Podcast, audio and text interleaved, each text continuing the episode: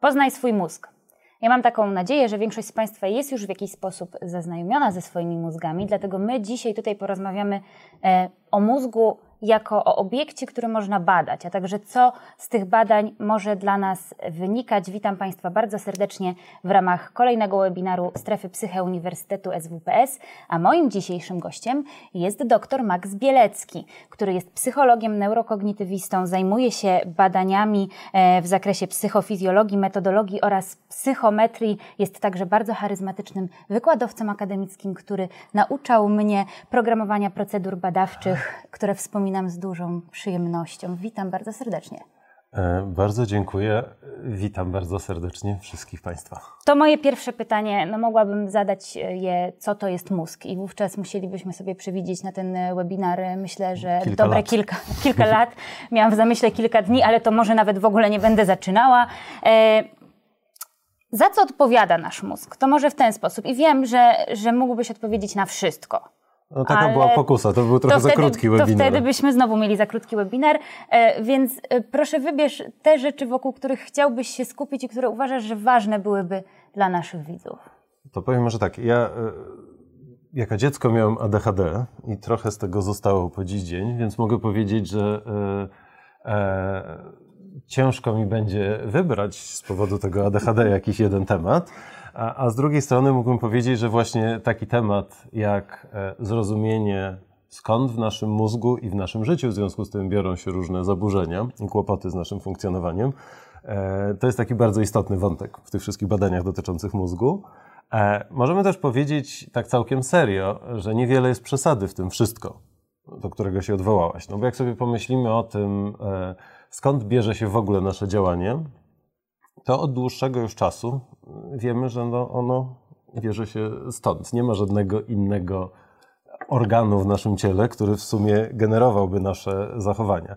Nie zawsze my zdawaliśmy sobie z tego sprawę. Starożytnym się wydawało, że na przykład może za nasze działania odpowiadają nasze serca albo jakieś inne części ciała, ale już od iluś wieków wiemy trochę lepiej.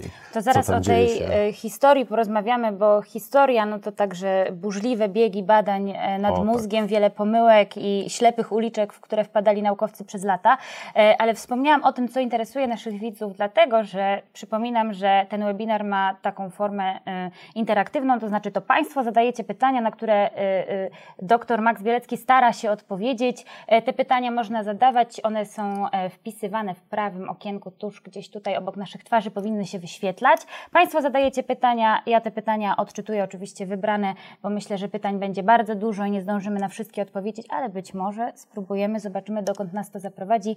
E, więc zobaczymy, co też interesuje e, najbardziej e, widzów. No dobra, no to o, o, tej, o tej historii trochę. O tej historii trochę.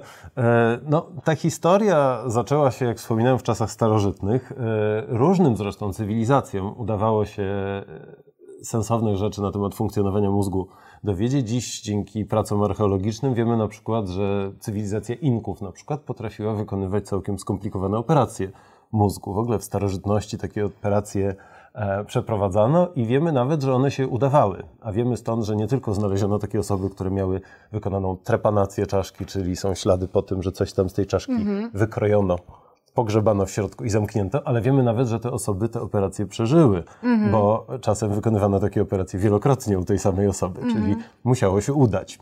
E, badania i te metody poznawania mózgu rozwijały się e, no, najintensywniej można powiedzieć, że to, cała ta nauka eksplodowała wręcz pod koniec y, XIX wieku, ale y, jeżeli chodzi o te najbardziej współczesne metody, no to to jest przede wszystkim ostatnia dekada e, XX wieku. Wtedy między innymi ogłoszono dekadę mózgu i rzeczywiście szerokim strumieniem polały się pieniądze na, e, na badania i jesteśmy mądrzejsi, więc tak wracając do tego pierwszego wątku, no za co odpowiada? Za to, że myślimy, za to, że możemy e, mówić do siebie i nawet od czasu do czasu się zrozumieć. To dziękujemy mózgowi E, za obecność za- w dzisiejszym spotkaniu. Tak jest, za to, że jesteśmy twórczymi istotami. No i niestety też, e, jak coś przestaje w nas funkcjonować tak idealnie, no to to też jest ten moment, że e, możemy się zastanowić, czy aby nie dzieje się coś niewłaściwego no dobra, z naszym mózgiem. To wiemy, za co ten mózg odpowiada. Wiemy, że zainteresowanie badaniem mózgu jako organów, organu no, już od starożytności e, się ciągnie. Natomiast co nam e, daje badanie mózgu? No to znowu myślę sobie temat rzeka. Natomiast dla takiego, że tak powiem, przeciętnego człowieka, mhm który się zastanawia, no i po co oni te mózgi badają? Co ja z tego będę miał? Tyle pieniędzy tam na to idzie. Co, co z tego wynika y, dla mnie jako człowieka?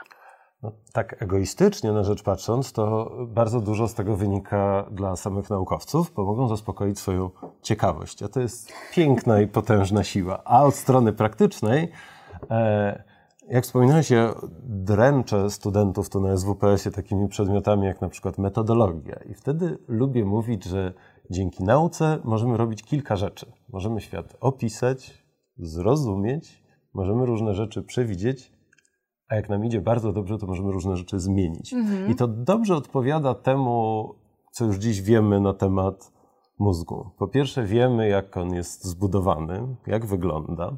Wiemy dużo o tym, jakie funkcje pełnią poszczególne jego części, więc możemy zrozumieć, skąd bierze się nasze zachowanie. Czasem możemy przewidzieć że zbliżają się jakieś kłopoty, no ale od strony praktycznej to najbardziej nam zależy na tych chwilach, w których możemy coś w działaniu tego mózgu zmienić. E, I na przykład e, zadbać o ten mózg, bo hmm. teraz no, wiemy wszyscy właściwie, że powinniśmy dbać o nasze zdrowie, nasze ciało i bardzo często pojawia się też taki wątek, czy możemy coś zrobić z tym mózgiem. Zresztą e, na taki termin jak brain fitness był dość popularny kilka lat temu i wtedy rozkwit przeżywały wszystkie programy, które miały mózg trenować i sprawić, że wszyscy będziemy super inteligentni i wiecznie młodzi. To rozumiem, patrząc na tą coraz większą inteligencję i wieczną młodość, to już wiem, że to się nie udało do końca. Natomiast e, e, pytania o e, mnemotechniki, treningi poznawcze powoli do nas napływają. Ja postaram, sobie, postaram się do nich wrócić za chwilę, skrzętnie tu sobie zapisuję. Natomiast myślę sobie tak, no, trepanacja czaszki za każdym razem, kiedy chcemy badać mózg, w grę nie wchodzi. To znaczy, że mamy też inne techniki, które są mniej inwazyjne, a pozwalają nam te informacje i potencjalną zmianę idącą z tą informacją uzyskać. Gdybyśmy mogli porozmawiać trochę, w jaki mhm. sposób ten mózg y, badać, jakie techniki są wykorzystywane do badania mózgu? E, to może zaczniemy tak trochę patriotycznie. Dobra. Jedną z takich starszych metod y, badania mózgu jest elektroencefalografia, przy czym jeżeli mówię starszą, to mówię tu o końcu XIX wieku. Jedną z pierwszych rejestracji aktywności elektrycznej mózgu przeprowadził polski naukowiec Adolf Beck i nawet potem była cała kłótnia między tymi pierwszymi badaczami, czy to rzeczywiście on, czy nie on był pierwszy, ale e, w Polsce na pewno on i w 1890 roku opublikował swój doktorat i tam między innymi przedstawił nagrania, które e, pochodziły z aktywności mózgowej psów. Z mhm. ludźmi troszkę jeszcze poczekaliśmy, ale też się udało i ta technika jest no, w coraz bardziej wyrafinowanej formie, używana po dziś dzień. Możemy założyć sobie na głowę całe mnóstwo e, elektrod na takiej siatce i bardzo dokładnie zbadać, jak wygląda aktywność e, naszego mózgu. Tak naprawdę w wypadku EEG to głównie tej jego najbardziej zewnętrznej części. E, kory, tego co się tam dzieje, kory mózgowej, możemy zobaczyć, jak ta aktywność wygląda w czasie, jakie fale się pojawiają. Możemy diagnozować na tej podstawie różne zaburzenia, na przykład zaburzenia snu. Więc to jest jedna z metod, które można powiedzieć, że mają swoją długą historię, ale są zdecydowanie używane no, aż po dziś dzień, bardzo ważne. E, drugą taką metodą, która jest znacznie młodsza, e, jest funkcjonalny rezonans magnetyczny. I to jest metoda no, o tyle bardziej E, czasem przydatna, że on pozwala też sięgnąć w głąb naszego mózgu. Mhm. Czyli jeżeli mówimy o funkcjonalnym rezonansie magnetycznym, często tu zresztą skrót angielski fMRI się pojawia, żeby było krócej, e, to dzięki takim danym rezonansowym możemy zobaczyć, jak wygląda aktywność w całej tej strukturze, łącznie z takimi starszymi częściami mózgu, które są ukryte nieco głębiej. A to są bardzo ważne struktury, bo na przykład odpowiadają za E, wiele reakcji naszych emocjonalnych, ale nie tylko. Dużo ważnych rzeczy tam schowanych jest też w samym środku. Dobra, czyli mamy już EEG, mamy fMRI, czy coś jeszcze? No, taką metodą, która jest dla mnie metodą ulubioną, nie jest ona może wprost metodą badania samego mózgu, ale często z badaniami aktywności mózgu się łączy.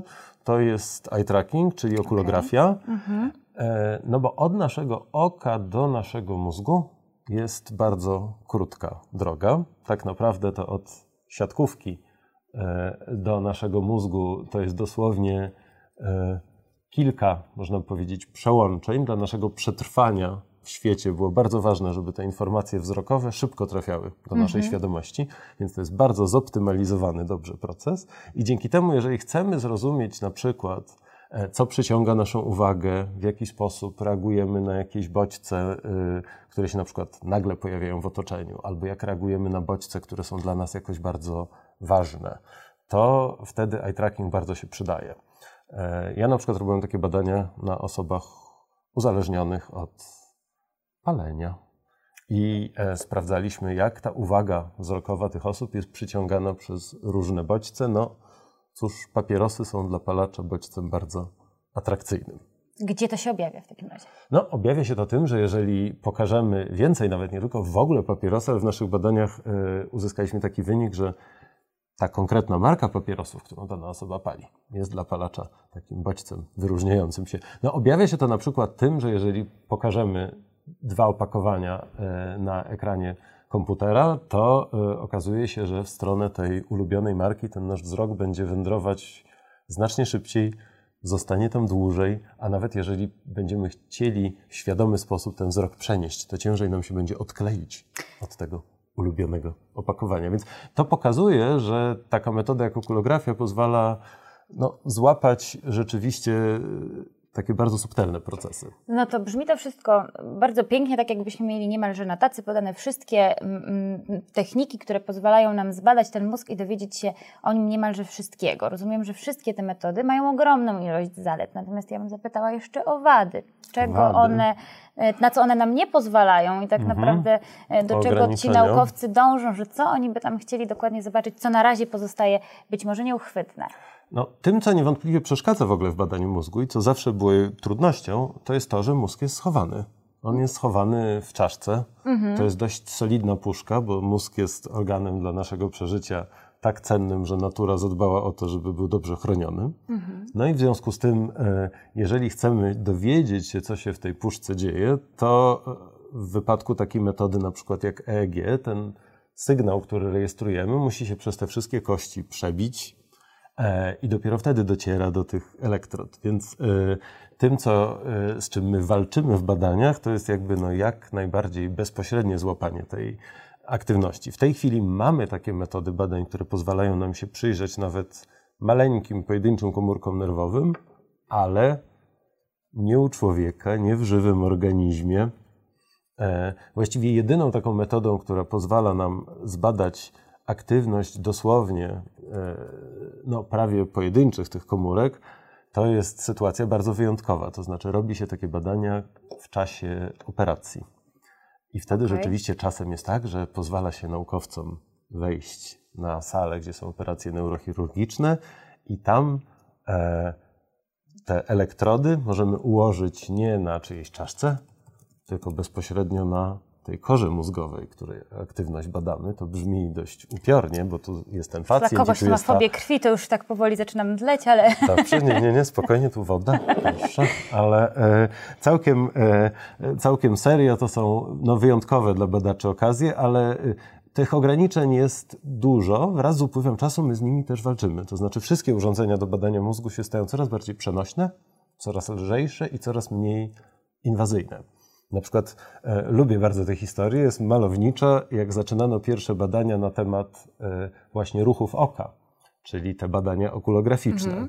To pierwsze urządzenie do badania ruchów oka, które stworzono, e, naukowiec bodajże nazwiskiem Delabar stworzył taką maszynę, do której bardzo cienkim drucikiem można się było podłączyć i ten drucik był przyczepiony do czegoś takiego, co było zrobione z gipsu mm-hmm. i wyglądało trochę jak e, soczewka dzisiaj taka kontaktowa. Mm-hmm. I tę gipsową soczewkę umieszczano na oku osoby badanej, przyklejano ją to oko było znieczulone kokainą, żeby było ciekawiej.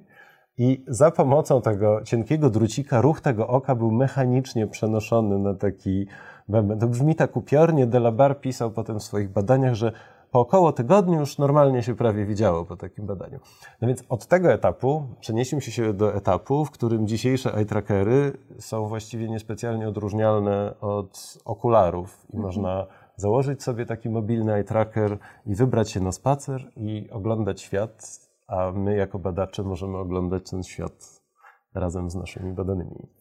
Wspominasz o niemalże zatrważających metodach e, badawczych, które na szczęście są już przeszłością. Tak co nieco e, budzi moją miłość e, do neuronauki. Natomiast wydaje mi się, że skoro te metody no, no były takie, jakie były, były one też szalenie nieprecyzyjnie, nieprecyzyjne, co mogło tych naukowców, e, mówiąc kolokwialnie, wywieźć w pole nieraz. To znaczy doprowadzić do wniosków, które niekoniecznie były prawdziwe, a częstokroć te wnioski poszły w świat i gdzieś tam funkcjonują czasami nawet i do dziś w potocznym myśleniu E, o mózgu i o tym, jaką mózg pełni rolę, jak funkcjonuje. Czy masz jakieś takie ulubione mity, o których powinniśmy mówić głośno, nawet jeżeli ktoś już o nich kiedyś słyszał, to niech usłyszy i dziesiąty raz, żeby się dobrze w pamięć wbiło. Co, e... Czy to prawda, że człowiek korzysta tylko z 10% mózgu? Pomimo, iż czasem może się tak wydawać, Y, jak się z niektórymi ludźmi rozmawia. Albo można mieć takie poczucie można mieć czasami. takie poczucie czasami, tak? To y, nie, zdecydowanie nie jest to prawda. Tak jak mogę nawet, wiadomo już skąd ten mit się wziął, przynajmniej tak się wydaje. Dobra.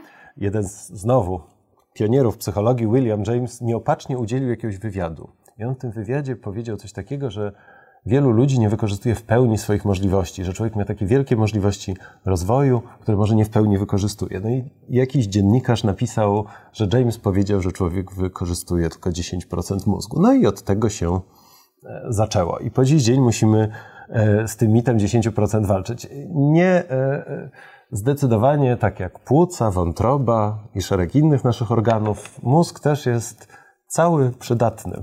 Jeżeli ktoś nie wierzy, to no, dobrą, chociaż brutalną ilustracją jest to, jak e, w tym mózgu coś się dzieje złego. Mhm. Na przykład e, gdzieś nam pęknie jakieś naczynie i mamy udar i wtedy okazuje się, że nawet bardzo nieduży taki udar może spowodować bardzo poważne trudności w funkcjonowaniu, w zależności od tego, którą część mózgu nam taka e, sytuacja zabierze, to te problemy mogą być bardzo różne. Możemy przestać rozumieć, co się do nas mówi, albo możemy mieć kłopoty z mówieniem, albo możemy, e, jeżeli to się zdarzy w zakręcie wrzecionowatym, to nagle się może okazać, że przestajemy rozpoznawać twarze.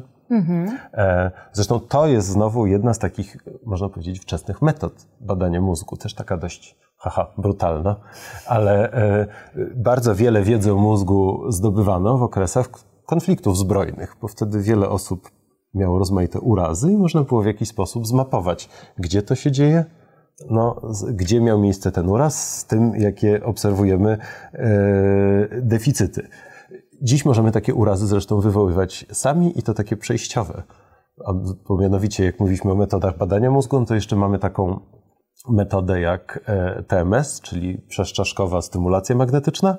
No i jeżeli e, użyjemy takiej metody, to po pierwsze używa się jej dzisiaj do leczenia niektórych zaburzeń, czy też do wspierania leczenia niektórych zaburzeń, ale też TMS stwarza taką możliwość, żeby wyłączyć komuś na chwilę jakiś kawałek mózgu. To jest w minutach mierzone, okay. spokojnie. I jest absolutnie. Jest odwracalny. Jest odwracalny, jest zupełnie bezpieczny, ale właśnie taką metodą możemy zobaczyć, co się dzieje, jak komuś wyłączymy ten właśnie obszar w mózgu, co się stanie, czy on na pewno jest zaangażowany na przykład w rozwiązywanie jakichś problemów albo w rozumienie czegoś. To jest bardzo ciekawe. Więc ten mit 10% to jest pierwszy mit. Drugi mit, który pokutuje, to jest mit o tym, że mamy tak naprawdę nie jeden, a dwa mózgi. Jakiś lewy mózg to i tym... prawy mózg. Aha, okej, okay, już wiem, tak? do czego nawiązujesz. Albo, że, że niektórzy to myślą bardziej jedną półkulą, a inni myślą mm -hmm. bardziej drugą półkulą. Więc e, no, e, ta śmiała hipoteza by sugerowała, że wszyscy jesteśmy jakimiś półgłówkami, a to nieprawda, na szczęście. E, używamy obu tych półkul. No znowu w tym micie jest jakieś tam takie ziarenko powiedziałbym, prawdy. Tym ziarenkiem jest ta część tego mitu, która mówi, że te dwie półkule nie są dokładnie takie same i że rzeczywiście odpowiadają czasem troszkę za inne procesy czy funkcje. E, I na przykład e, takie funkcje, które no, nie są rozłożone w mózgu symetrycznie, mówimy o nich, że one mają swoją lateralizację, czyli mhm. właśnie one bardziej e, odpowiada za nie jedna bądź druga połowa naszego mózgu. No, przede wszystkim taką najbardziej spektakularną, jako że piszesz, to niewątpliwie jesteś osobą, jak widzę, praworęczną. Tak jest. To jest przykład takiej funkcji, która u większości osób jest zdecydowanie zlateralizowana. Rzadko kto jest oburęczny i ma taką samą sprawność e, obu rąk, ale takie osoby się zdarzają, które piszą równie sprawnie mhm. obiema rękami. W Polsce chwali się tym e, kompozytor Krzysztof Penderecki. Że jest, potrafi że jest osobą oburęczną. Tak, jak wysyłał partytury na konkursy, to żeby nie poznano, że to ten sam autor, napisał jedną ręką, a drugą drugą, bo miał różny charakter pisma. To dołożyłeś do mitu ciekawostkę. Czy jeszcze jakiś mit, który e, ciebie bawi, zaskakuje, mit? bulwersuje? Czy bulwersuje? E, no niewątpliwie jeszcze chwilę kontynuując ten wątek lewego i prawego mm -hmm, mózgu, okay. to też opiera się na takim założeniu, że, że to jest trochę tak, serce albo rozum nami rządzi. I też często się mówi, że ta lewa półkula to jest taka racjonalna, a ta prawa półkula to jest taka emocjonalna. I to też zdecydowanie y, y, nie tędy droga, dlatego że e, jak też nie tylko neuronauka, ale i psychologia pokazuje, te, dwie, te dwa aspekty naszego funkcjonowania, oba są potrzebne do tego, żebyśmy skutecznie działali. Więc w ogóle przeciwstawianie ich sobie jest takie dość absurdalne. Co więcej, ten podział, jeżeli by już się tak bardzo upraszczać i upierać, to ja bym powiedział, że to e, myślenie, jeżeli byśmy skupiali się na takich najbardziej złożonych e, funkcjach e, umysłowych, na tym, że my potrafimy planować, kontrolować swoje działanie, rozumieć jakieś bardzo złożone rzeczy. Okej, okay, to to jest w mózgu jednak tak ta najnowsza ewolucyjnie część, czyli to jest tak raczej z przodu, nasza kora przedczołowa, najmłodszy. Mhm ewolucyjnie kawałek naszego mózgu. No, część tych takich bardzo starych funkcji no, jest ukryta w tym mózgu troszkę e, głębiej, bo to są ewolucyjnie jakieś starsze struktury, te, które odpowiadają właśnie za przeżywanie emocji i tak dalej. Ale nawet to jest uproszczeniem, bo te same struktury, na przykład w układzie limbicznym, służą też naszej pamięci. Więc mhm. znowu tu takie prosta opozycja myślenie, a czucie to też jest nieprawda jakiś mit, nawiążę raz jeszcze do pytania, który bardzo Ciebie by bawił lub interesował lub frapował? Znaczy, dla mnie jako naukowca to te mity są jednak źródłem pewnej frustracji, a nie mm -hmm. radości. Dlatego, że e, jeżeli jest się... To psychologowie też rozumieją tę frustrację bardzo dobrze, bo psychologiem też jest każdy. No może nawet jeszcze lepiej rozumieją tę frustrację niż osoby zajmujące się neuronauką. To znaczy, jak się uczy takich dyscyplin jak fizyka na przykład, to większość ludzi nie ma jakiegoś głębokiego przekonania, że ma na ten temat ogromną wiedzę. A jeśli mhm. chodzi o psychologię, ale też funkcjonowanie naszego mózgu, to powszechne jest przekonanie, że właściwie to wszystko, ja wszystko wiem, no bo, bo mam. mam mózg, coś tam czuję, coś w życiu widziałem, więc w ogóle nie możemy tu zdobyć żadnej naukowej wiedzy. No to na szczęście nie jest prawda. Na szczęście nie jest to prawda, na szczęście to badasz i na szczęście się tym dzielimy. Natomiast e, mi przyszło do głowy jedno pytanie, które mhm. też gdzieś padło tutaj od naszych e, e, obserwatorów w trakcie tego webinaru. Ja tutaj staram się skupić na rozmowie z Tobą, kontrolować jednocześnie napływające pytania, mierzyć czas i pamiętać o tym, żeby zerkać w kamerę. Czuję, że mój ja mózg... bardzo się staram zerkać w kamerę. Mówiąc kolokwialnie, paruje w tym momencie. Czy są jakieś techniki, albo czy w ogóle jest sens angażować się w jakiekolwiek techniki, a o tym ewentualnie o jakie, mhm. to, to porozmawiamy sobie za chwilę, żeby poprawić jakość funkcjonowania tego mózgu, żebym ja mogła jednym okiem najlepiej patrzeć na te pytania, drugim na ciebie, a trzecim w kamerę. Mhm. Więc y, czy mógłbyś coś polecić takiego, co na Jasne. przykład poprawiłoby funkcjonowanie uwagi?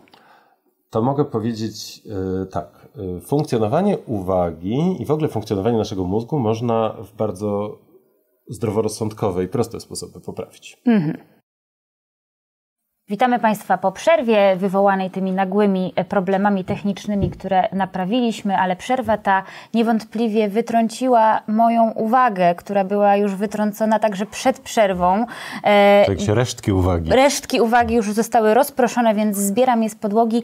E, pytanie było takie, czy są jakieś sposoby na to, abyśmy mogli ten swój mózg nie, poniekąd podrasować w takim, w takim jego działaniu na naszą korzyść? To znaczy na mhm. przykład, żeby to utrzymanie uwagi między zadawaniem pytań, kontrolowaniem czasu, a rozmową i patrzeniem na ciebie było dla mnie łatwiejsze. E, więc tak, e, może e, podzielmy sobie to na dwie części. Dobra. No, nauka zresztą stara się je odróżniać od siebie. Jedna część to są rzeczy, które są możliwe, a druga rzecz to są rzeczy, które wygląda na to, że nie są możliwe. No i współczesna nauka pokazuje, że i psychologia, i neuronauka, że e, niestety skupianie się takie intencjonalne, że ja chcę się skupić na, na wielu rzeczach jednocześnie, e, de facto nie jest możliwe. Okej, okay, więc wszystkie bałam, te, to coś... Więc e, to nic złego. Jeżeli nam się wydaje, że się skupiamy na wielu rzeczach na raz, to tak naprawdę znaczy to tylko i wyłącznie to, że bardzo szybko się między nimi przełączamy. E, a ile razy się przełączamy, to się męczymy okay. i też zajmuje nam to ileś czasu. Więc e, taka główna porada dotycząca tego szybkiego przełączania się między różnymi rzeczami jest taka, tak sobie organizować życie. W tym wypadku wiem, że nie jest to możliwe, e, żeby takich sytuacji unikać. E, bo e, taka, no niestety, takiej, takiej uwagi, która by się jakoś sprawnie dzieliła między różne zadania, w taką nas natura nie wyposażyła, nasz mózg tak e, nie działa.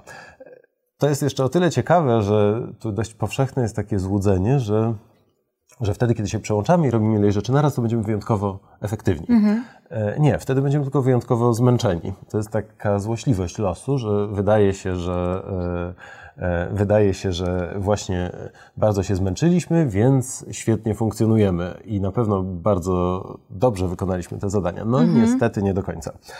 A wracając do części możliwej, co możemy zrobić, aby poprawić funkcjonowanie tak w ogóle naszego mózgu, to tu nawiązuje, nie wiem czy to nie było w czasie przerwy, czy przed przerwą, ale użyłeś takiego zwrotu, że mózg ci paruje. Tak. E, to nie jest, znaczy nasz mózg się nie nagrzewa jakoś wybitnie w czasie swojego funkcjonowania, to by było dla niego zupełnie fatalne, natomiast prawdą jest, że zużywa bardzo dużej ilości energii. Mhm. Mózg to, są tylko, to jest tylko 2% mniej więcej naszej masy ciała, to jest 20% wydatkowanej energii. To jest bardzo kosztowny mhm. od strony energetycznej narząd. U dzieci to jest nawet, może być nawet połowa energii może być wydatkowana przez mózg, bo te mózgi są nieproporcjonalnie duże u mhm. dziecka, ta głowa jest duża i tak dalej. Więc to jest bardzo kosztowny e, w utrzymaniu e, narząd. No w związku z tym, jeżeli my chcemy, żeby ten mózg dobrze funkcjonował, to on potrzebuje dużo tlenu. A żeby dużo tego tlenu dostał, to my musimy być po prostu zdrowi. E, I tak naprawdę jest w tej chwili bardzo dużo badań, które pokazują, że rozmaitymi formami takich treningów, na przykład za pomocą gier albo za pomocą jakichś specjalnych programów, możemy trochę poprawić funkcjonowanie tego mózgu, ale dużo bardziej poprawimy, zwłaszcza w starszym wieku, jak po prostu będziemy się systematycznie ruszać, dbać o serce i dbać o siebie w ogóle. Taka jest prawda. Dobra, do tego funkcjonowania mózgu w późniejszych okresach życia za chwilę wrócimy, ale też pojawiło się takie pytanie. Mhm. Czy wszelakie mnemotechniki, neurofeedbacki, mindfulness mają U, sens? To już trzy pytania mamy. Tak. Dobrze, to po kolei. E, jeżeli chodzi o neurofeedback, to e, biofeedback to, to jest cała grupa technik, które się opierają na tym, że my dostarczamy człowiekowi informacji o tym, w jakim stanie jest w danym momencie układ nerwowy. Czyli na przykład, że jesteśmy zestresowani, więc nasze ręce się pocą, albo jesteśmy mało zrelaksowani, więc nasz mózg generuje takie, a nie inne oscylacje, takie, a nie inne fale. I teraz jak komuś damy taką informację, na przykład wyświetlimy, czy to w formie wykresu, czy w formie jakiejś gry, to możemy się nauczyć wraz z upływem czasu kontrolować te procesy. No i tu już poprawna odpowiedź na to pytanie, czy też zgodna z dzisiejszym stanem nauki, co się da, a co się nie da, to jest ulubiona odpowiedź wszystkich naukowców, czyli. To zależy. To zależy, to po prostu zależy o jakiej sytuacji, o jakim zaburzeniu mówimy. To, co mogę rekomendować osobom, e, które są w ogóle zainteresowane tego rodzaju interwencjami, to jest sięgnięcie do e, literatury, e, które nie jest dziś bardzo trudne, bo można po prostu zobaczyć porządnie zredagowane hasło, nawet na Wikipedii, albo jeden z super artykułów, które publikujemy na naszych stronach naszego uniwersytetu. Odsyłamy, polecamy.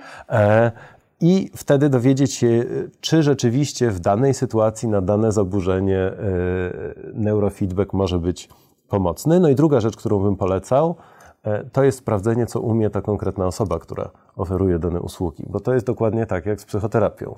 To znaczy, nie są to. Oferowanie tego rodzaju usług nie jest w Polsce w żaden sposób limitowane, więc tak naprawdę może się okazać, że osoba, która świadczy takie usługi, ma świetne wykształcenie jako, nie wiem, Czyli lingwista rozumiem, albo. Że wszelakie oferty pod tytułem e, zapamiętuj 40 razy więcej, czytaj 100 książek na minutę, e, odrzucamy e, jako ofertę je- tu się, niemożliwą. tu się nie powstrzymam, jeżeli chodzi o to 100 książek na minutę, bo Mhm. to jest, to jest mit no, trochę na temat mózgu, trochę na temat czytania, ale jest wiele kursów, które oferują e, możliwość jakby poprawienia naszego czytania i te kursy szybkiego czytania mówią, że my dlatego tak czytamy w takim tempie, jak czytamy, bo robimy to źle. I że jak się jakoś inaczej będzie poruszać tymi oczami, to nagle po prostu będziemy czytać trzy razy szybciej. No, mam złą wiadomość, albo może dobrą, e, a mianowicie nie, nie ma takiej metody, która by pozwalała znacząco przyspieszyć tempo czytania bez straty zrozumienia. Można się nauczyć tak tekst skanować i mniej więcej rozumieć, o co w nim chodzi, jak komuś zależy na tym. Natomiast takiej możliwości, żeby czytać e, rzeczywiście 10 razy szybciej niż to robimy, nie ma, dlatego że my czytamy w tym tempie, w którym czytamy, nie z powodu ograniczeń naszego wzroku, tylko z powodu ograniczeń naszego mózgu. My szybciej nie jesteśmy w stanie odtworzyć, zrozumieć tej treści i sięgnąć do znaczenia tych słów To w skoro naszym jesteśmy mózgu. przy kursach, nabywaniu nowych Mhm. umiejętności i sprawdzaniu, e, czy te umiejętności, które oferują różnorakie kursy w ogóle są możliwe, Mhm. to padło pytanie o uczenie się po 40. Czy to jest tak, że po 40 nasz mózg jest w stanie nauczyć się jakichś nowych umiejętności, czegoś nowego w ogóle? Proszę Państwa, proszę popatrzeć na mnie. Po 40 już nic nie jest możliwe, proszę Państwa. E, całkiem serio. E, e, to, to jest. E, jest ziarno prawdy w tym pesymizmie. To ziarno polega na tym, że rzeczywiście, jak mówiąc językiem neuronauki, e, ta plastyczność mózgu, nasza zdolność do zmieniania e, jego struktury i dostosowywania się do nowych zadań, rzeczywiście z wiekiem mm, się zmniejsza. E, Po 40 to może nie jest taka cezura ponura, rzeczywiście te zmiany przyspieszają w wieku późniejszym. Po powiedzmy 55-60 roku życia rzeczywiście mózg zaczyna się szybciej starzeć. Natomiast e, nawet wtedy, a nawet w dużo późniejszym wieku, e, my dalej, jeżeli to jest tak zwane zdrowe starzenie się, czyli nie dopadnie nas żadna poważna choroba neurodegeneracyjna, dalej mamy ogromne możliwości uczenia się i, i zmiany, więc e, To kolejne pytanie, które też poniekąd się z tym wiąże. Jak jest e, z pamięcią i z dbaniem o pamięć w naszym mózgu? Czy możemy robić coś, aby tą pamięć podtrzymywać? Znaczy, ja rozumiem, że wraz z wiekiem, i to nie wynika tylko i wyłącznie z chorób neurodegeneracyjnych, ta pamięć słabnie. Czy możemy zrobić coś, aby utrzymać ją w najlepszej kondycji jak najdłużej? No, jakbym był złośliwy, a jestem, to bym się zapytał, która pamięć. Bo psychologia mówi o y, bardzo wielu różnych rodzajach y, pamięci. Niewątpliwie to, co się z wiekiem e, zmienia, i to jest ten najbardziej często też irytujący aspekt, to jest e, ta zdolność zapamiętywania nowej wiedzy takiej faktograficznej. To są te słynne mylące się nazwiska, imiona, e, to jest też, no to w dużym stopniu wynika no, także właśnie z tego, że te procesy odpowiedzialne za funkcjonowanie e, pamięci krótkotrwałej, tej pamięci, gdzie my przechowujemy informacje potrzebne nam w danym momencie na bieżąco, te procesy no, nie przebiegają równie sprawnie. Czy są jakieś specyficzne sposoby dotyczące akurat pamięci, a nie całego mózgu? Chyba nie. To znaczy powiedziałbym, że jednak y, jeżeli mózg nasz funkcjonuje dobrze jako całość, to wtedy też lepiej e, funkcjonuje, e, funkcjonują te procesy pamięciowe. Można powiedzieć, że czymś, co możemy zrobić, jest właśnie zadbanie o e, te różne czynniki, na które mamy wpływ. Mhm. Bo na nasz PESEL mamy taki umiarkowany wpływ. Ale na przykład na to, czy się wysypiamy, czy się dobrze odżywiamy, czy się systematycznie ruszamy, więc mamy ciśnienie w normie. Czy jeżeli mamy ciśnienie nie w normie, to chodzimy do lekarza i coś z tym robimy. To są rzeczy, nad którymi mamy dużą kontrolę. Podobnie możemy, była tu mowa o mindfulnessie, mhm. e, możemy też nauczyć się różnych technik, które sprawią, że stres i emocje będą na nas wpływać w sposób mniej destrukcyjny, nawet te negatywne.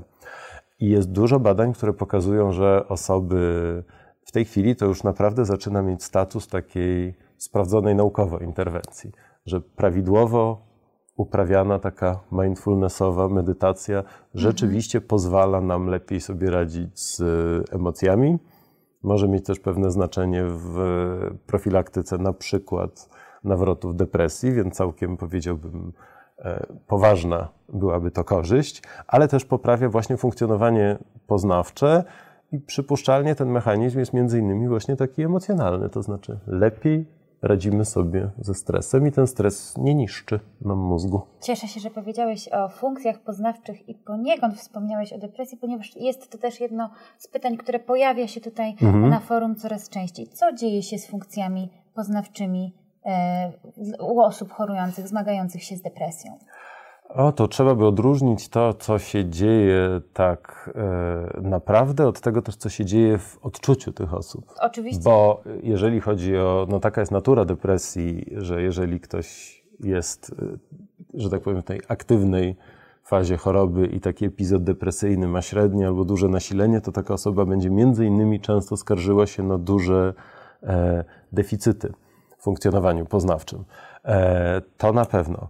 Jeżeli chodzi o y, wyniki badań takich obiektywnych, to o ile się orientuję, choć to nie jest ścisła moja specjalizacja, to wydaje mi się, że w większym stopniu te deficyty mają e, charakter, e, znaczy one są silniejsze tak subiektywnie niż tak obiektywnie i też na szczęście po wyleczeniu e, tu jakby nie ma po nich śladu. Coś, co natomiast my wiemy, że w depresji jest obecne, no to to jest i to nawet w czasie remisji, to są pewne te tendencyjności uwagi, o których wspominałem. No, ale to jest jakby właściwość pewnego stylu myślenia, który się niestety często e, z depresją wiąże i predystynuje do występowania tych zaburzenia.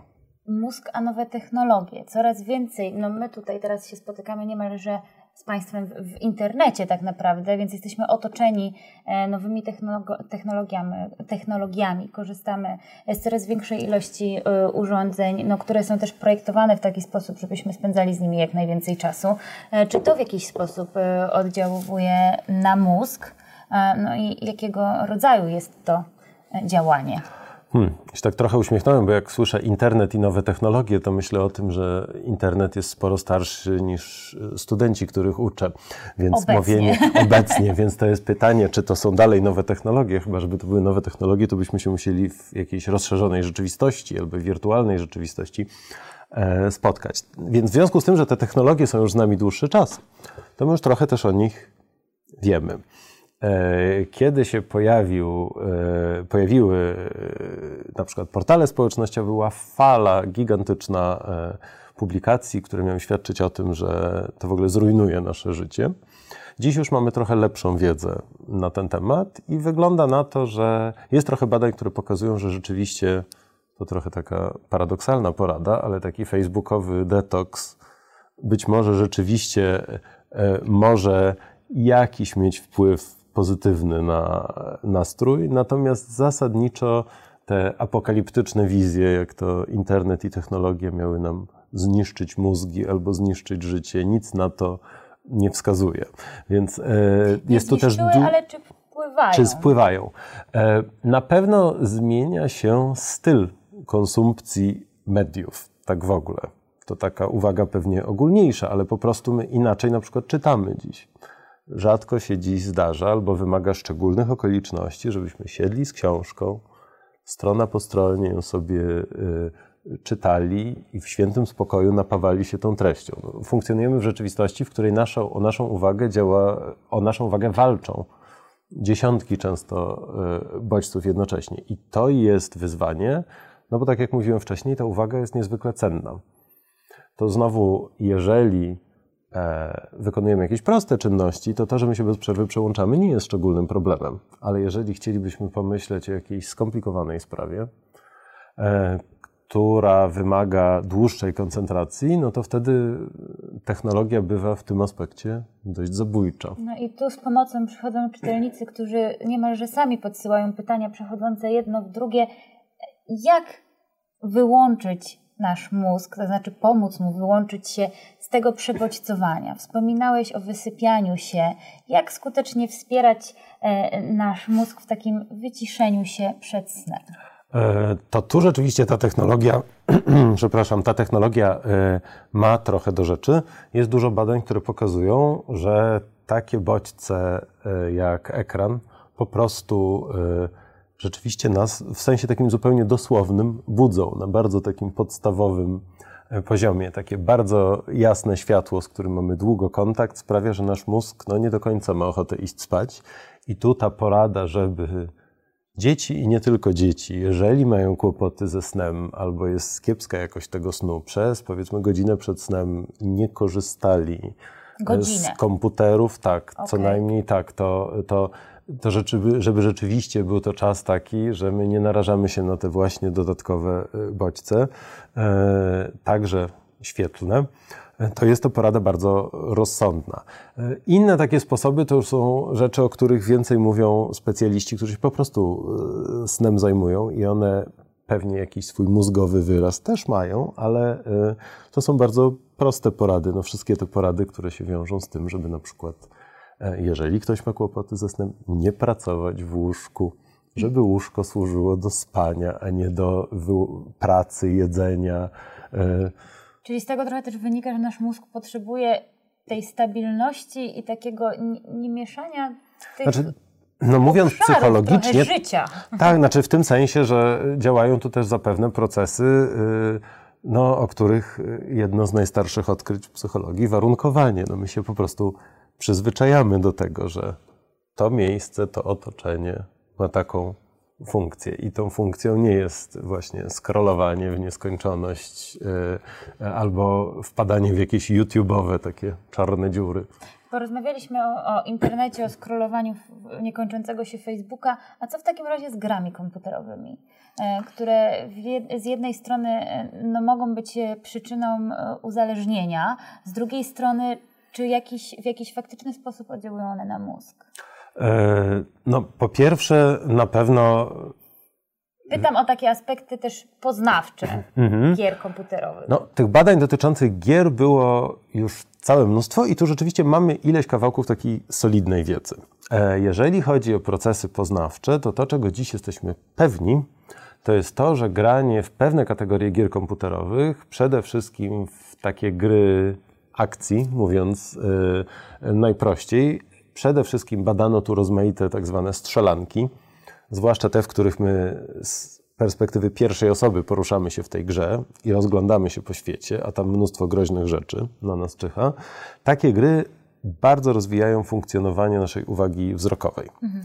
Dzięki takim grom rzeczywiście my jesteśmy w stanie szybciej reagować na bodźce pojawiające się gdzieś tam na peryferiach pola widzenia. Dzięki takim grom jesteśmy bardziej wrażliwi na nieduże zmiany na przykład kontrastu albo takie nieduże obiekty, które osoba niegrająca mogłaby przeoczyć. Więc można powiedzieć, że no, jeżeli w grze dana funkcja jest bardzo intensywnie wykorzystywana, no to ona rzeczywiście po prostu się trenuje. Jest szereg badaczy, którzy wierzą, że granie w gry może pomagać też rozwijać takie bardziej złożone funkcje. Na przykład uwaga, e, nasze możliwości koncentracji, to dokładnie odwrotnie niż mówi stereotyp, bo stereotyp mówi, że jak dzieci dużo grają w gry, to takie są potem rozproszone. To nic nie wskazuje na to w badaniach. Natomiast są niektórzy badacze, którzy wierzą, że odwrotnie, że za pomocą gier będzie można jakoś poprawić e, takie podstawowe funkcje. Tu powiedziałbym, że kwestia jest dużo bardziej dyskusyjna. Jeżeli chodzi o to funkcjonowanie naszego wzroku, szybkość przełączania naszej uwagi, to wygląda na to, że już mamy pewność. I jeszcze może słowo uspokojenia, bo to jest stały temat, bo jest też ta hipoteza, że te gry zamieniają nas w jakichś potencjalnych właśnie morderców i że są takie strasznie niebezpieczne. I że w tym sensie to jest jakieś, no bardzo kolokwialnie mówiąc, pranie mózgu w takim negatywnym sensie. Otóż, jeżeli takie efekty występują, to są maleńkie, na pewno nie mają one takiego charakteru jak to, czym czasem straszy prasa czy telewizja po jakichś tragicznych zresztą e, zdarzeniach, ale ile razy w Stanach jest jakaś strzelanina, to potem zaraz zaczyna się dyskusja, czy, czy, czy ten, tak, czy ta osoba, czy to jest efekt tych gier. No, biorąc pod uwagę, że w gry gra 90 kilka procent e, dzisiejszej młodzieży, to zawsze prawie ta osoba, która dopuściła się takiego czynu, będzie też grała w gry, bo po prostu tak dziś wygląda życie, ale to nie znaczy, że to jest że to przyczyna tego. Przyczyna tak. tego, co zrobił. E, kolejne pytanie uważam e, bardzo ciekawe. Nie wiem, co na ten temat będziesz miał do powiedzenia, natomiast no, my oboje widzę, jesteśmy dość analogowi. Pióro, e, kartka, notatki. Jedna z czytelniczek zadaje pytanie, czy rzeczywiście odchodzenie od pisania ręcznego na rzecz pisania na komputerze ma jakiś wpływ na nasz mózg? Nie znam dużo takich badań i jest troszeczkę badań, które pokazują, to nie są badania neuro, tylko takie badania psychologiczne, e, które pokazują, że są pewne przewagi ręcznego robienia notatek w stosunku do pisania na komputerze. Dlatego, że jeżeli my piszemy na komputerze i mamy w tym, a już obecnie mamy ogromną w tym wprawę, to jest to czynność taka prawie automatyczna, piszemy niezwykle szybko, w związku z czym właściwie nie musimy w jakiś taki bardzo znaczący sposób przetwarzać tych treści. Mhm. No a wiadomo, że warunkiem tego, żebyśmy coś zapamiętali, skorzystali na przykład z wykładu, w którym uczestniczymy, jest e, przerobienie no, tego niekończącego się strumienia słów na jakąś tego sensowną reprezentację, na coś takiego, co jest moje, co jakoś się wiąże z moim doświadczeniem i tak dalej. No więc jest trochę badań, które pokazują, że jeżeli my piszemy, rysujemy, to wtedy rzeczywiście dokonuje się ta synteza, więc w tym sensie to może być korzystne. Natomiast nie znam takich badań, które by wskazywały, że my jakoś tracimy coś bardzo, nie wiem, co się złego dzieje z naszym mózgiem od tego, że my, nie wiem, piszemy na komputerze. Co to, to nie. Dobra, to kolejne pytanie również od y, y, czytelników. Czy są takiego rodzaju badania mózgu, mhm. które w jakiś sposób mogłyby pozwolić nam zdiagnozować przyczyny pewnych chorób e, psychicznych czy nieprawidłowego funkcjonowania w takiej strefie emocjonalnej. Jeśli tak, to jakiego rodzaju są to e, badania, które najlepiej obrazują tak, tego rodzaju nieprawidłowości? Hmm. Znaczy, badania dotyczące tego w ogóle, skąd się biorą nasze emocje, i e, zrozumienie, jak ten cały nasz, cała ta mechanika emocjonalna w mózgu działa, no to prowadzone są właściwie od samego początku, w kontekście badań takich neuro.